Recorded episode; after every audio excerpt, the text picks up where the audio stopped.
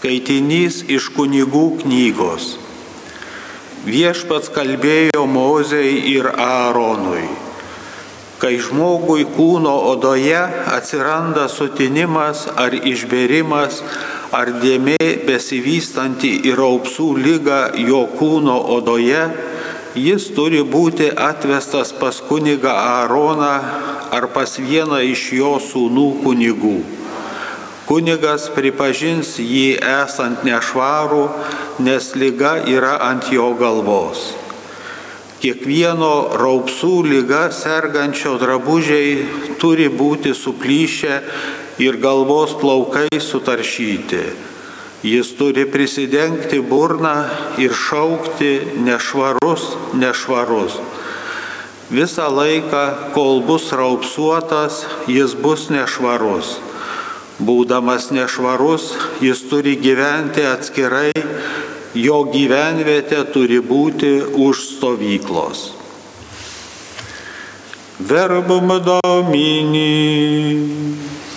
Tu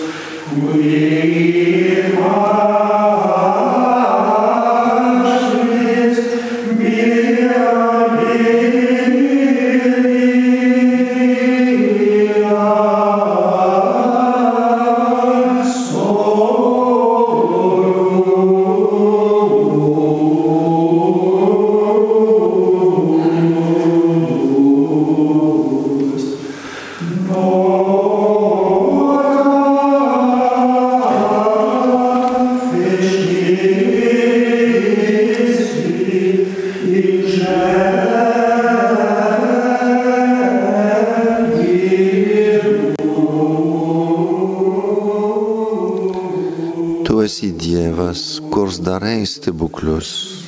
Tu padarai žinoma tautose savo galybę.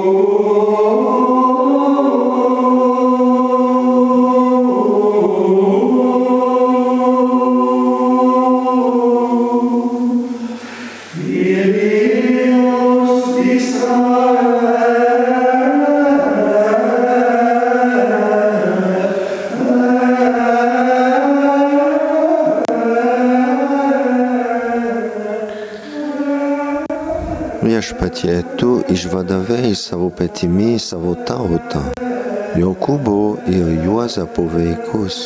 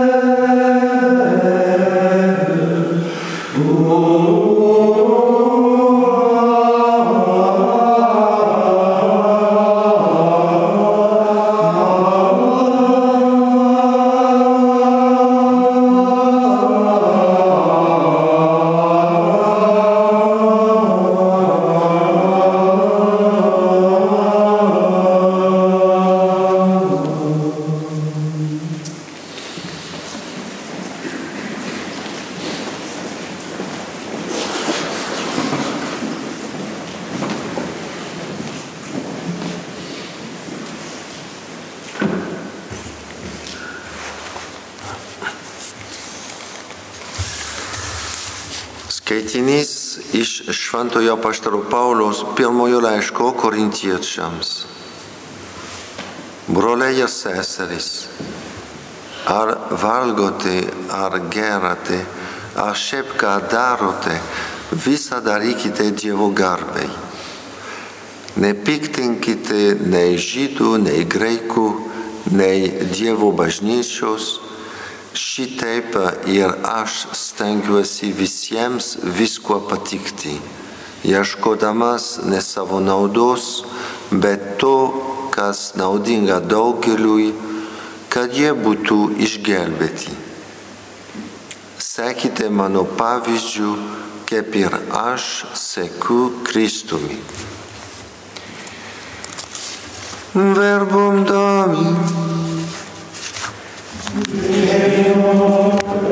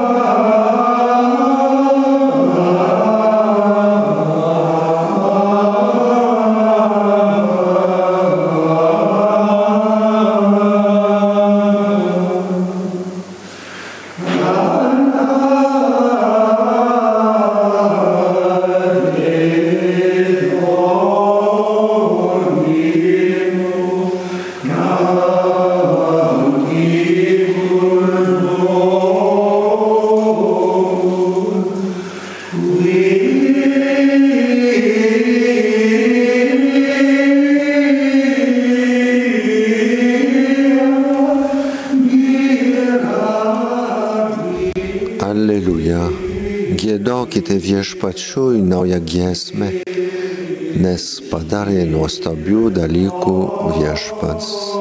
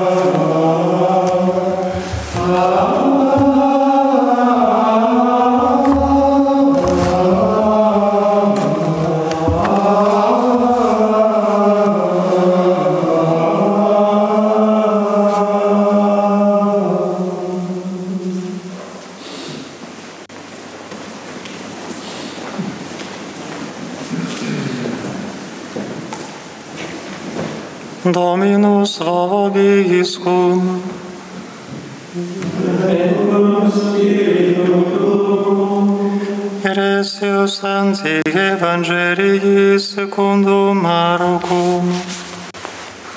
Gloria Dei Domini.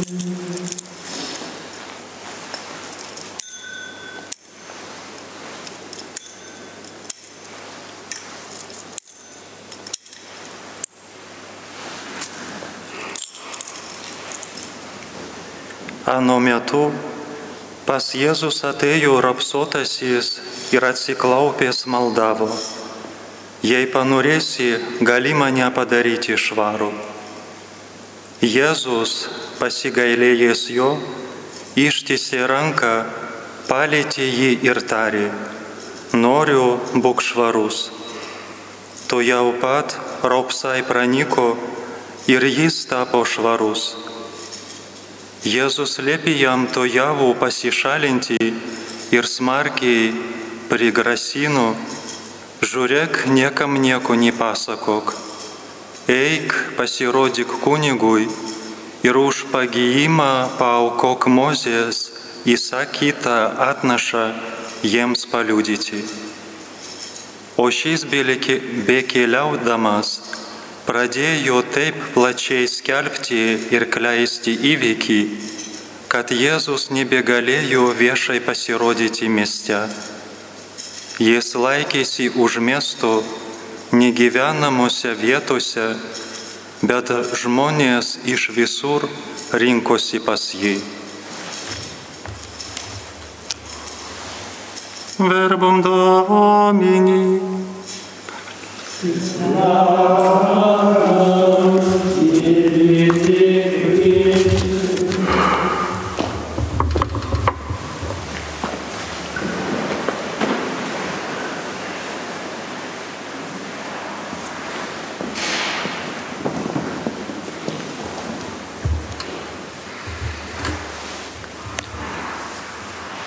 gundimų dykumoje ir po Jono Krikštitojo suėmimo Jėzus pradeda savo viešąją veiklą.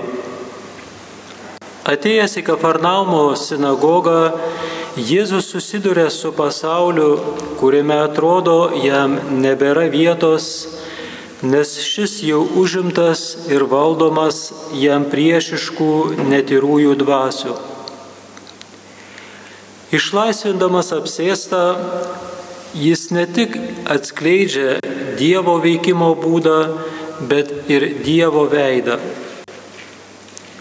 Dievas yra mums artimas, jis nėra abejingas atstumtam paribyje gyvenančiam žmogui.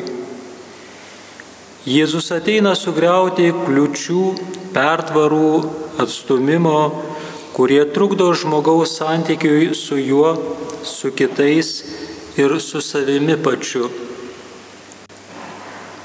Rūpestis, artumas, atjauta - toks yra Dievo veikimo būdas, toks yra mūsų dangiškasis tėvas. Pažvelkime giliau į ką tik girdėtą Evangelijos ištrauką. Jėzui keliaujant po Galilėją, netikėtai pas jį ateina raupsuotasis, maldaudamas padaryti jį švarų. Kad įvyktų Jėzaus susitikimas su raupsuotoju, abiem reikėjo drąsos peržengti visuomenės ir religijos nustatytas ribas. Pirmiausia, tai padaro raupsai sergantis žmogus. Kokia tuo metu buvo raupsai sergančio žmogaus situacija? Raupsuotai ištikdavo dvi sunkios nelaimės - fizinė ir dvasinė.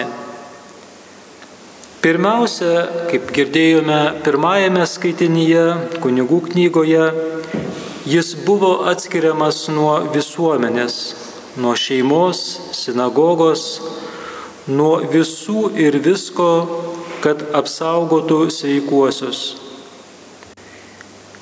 Tiesioginė žodžio prasme jis buvo išstumiamas į užribį. Toks ligonis negalėjo turėti jokių ryšių su kitais žmonėmis, jis buvo gyvas miręs. Kiekvienas palietęs raupsuotąjį taip pat laikytas nešvariu. Antroji nelaimė ta, kad anuomet raupsų lyga buvo laikoma Dievo bausme už nuodėmės prakeikimo ženklu. Manyta, kad sudarkytas kūnas atspindi ir širdies sutepimą. Raupsuotieji dėvėjo skarmalais, nesikirpo plaukų, turėjo prisidengti burną ir iš tolo šaukti, jei ką nors pamatė, nešvarus, nešvarus. Taigi raupsuotasis, nepaisydamas visų jam uždėtų ribų, išdrįsta prisertinti prie Jėzaus, puola priešais jį prašydamas, jei panorėsi, gali mane padaryti švarų. Prieš išgydamas fiziškai šis kenčiantis žmogus jau yra perkeistas iš vidaus. Jėzaus veide jis pamato tikrai Dievo veidą. Ne Dievo, kuris baudžia, o Tėvo, kuris atjaučia, kuris trokšta sugražinti žmogų į gyvenimą, į jo asmens pilnatvę atnaujinti į santyki su Dievu ir su kitais. Tas žmogus išdryso peržengti ribas, nes Jėzaus asmuo jį paskatina išeiti iš uždaro mirties rato, kad galėtų jam patikėti savo skausmingą likimą. Jėzus žengia dar didesnį žingsnį Apimtas gilaus širdies gailėšio, jis ne tik ištiesia ranką raupsuotojo link, bet ir paliečia jį, tardamas jam, noriu, būk švarus. Įvyksta neįmanomas dalykas, Jėzus paliečia neliečiamąjį. Išgydydamas šį ligonį, Jėzus suteikia jam nuostabę dovaną vėl sugrįžti į visuomenę, į šeimą, vėl melstis šventykloje. Šis atstumtas žmogus iš naujo tampa tėvu, vyru, piliečiu, draugu, pilnateisiu žmogumi. Šiuo jautriu pilnu atjautos gestu Jėzus parodo, kad Dievas nėra abejingas, nesilaiko saugaus atstumo, priešingai gailestingai prisartina ir prisiliečia prie mūsų sielos žaizdų, kad jas pagydytų. Jėzaus troškimas gelbėti žmogų nepanaikina įstatymo numatytų draudimų, bet juos įvykdo. Juk įstatymas skirtas nešti ne mirtį, o gyvenimą. Mėly broliai ir seserys, ko gali pamokyti mus šiandienos Evangelija? Pirmiausia to, kad pakliuvus į uždarumo, kančios, lygos, atstumimo ar net atmetimo ratą, mums reikia rasti vidinės šviesos ir drąsos grėžtis ne į žmogų, o į Dievą, į Jėzų. Išdrįsti ateiti pas jį ir atsiklaupus išsakyti jam savo rūpešius, nerimą, baimės, paprašyti padėti, kartu peržvelgti į situaciją Dievo akimis, priimti ją. Jėzus mūsų laukia. Jis neatstumia nei vieno žmogaus, nesvarbu, ar jis būtų teisus ar nusidėjėlis, ar jis lankytų bažnyčią ar ne, ar jis galiausiai melstusi ar ne. Dievas laukia iš mūsų šio pirmo žingsnio, kad galėtų pradėti veikti mūsų gyvenime. Jei mes padarome vieną žingsnį Dievo link, Dievas padarys dešimt ir ne tik prisartins, bet paims mūsų už rankos, apkabins, sustiprins, paguos. Šiuo paprastu gestu jis mums pasakys, kad kančia, skausmas, lyga nėra tai, kam žmogaus gyvenime priklauso paskutinis žodis juk žmogus buvo sukurtas ne kančiai ir mirčiai, bet kad amžinai gyventų su Dievu.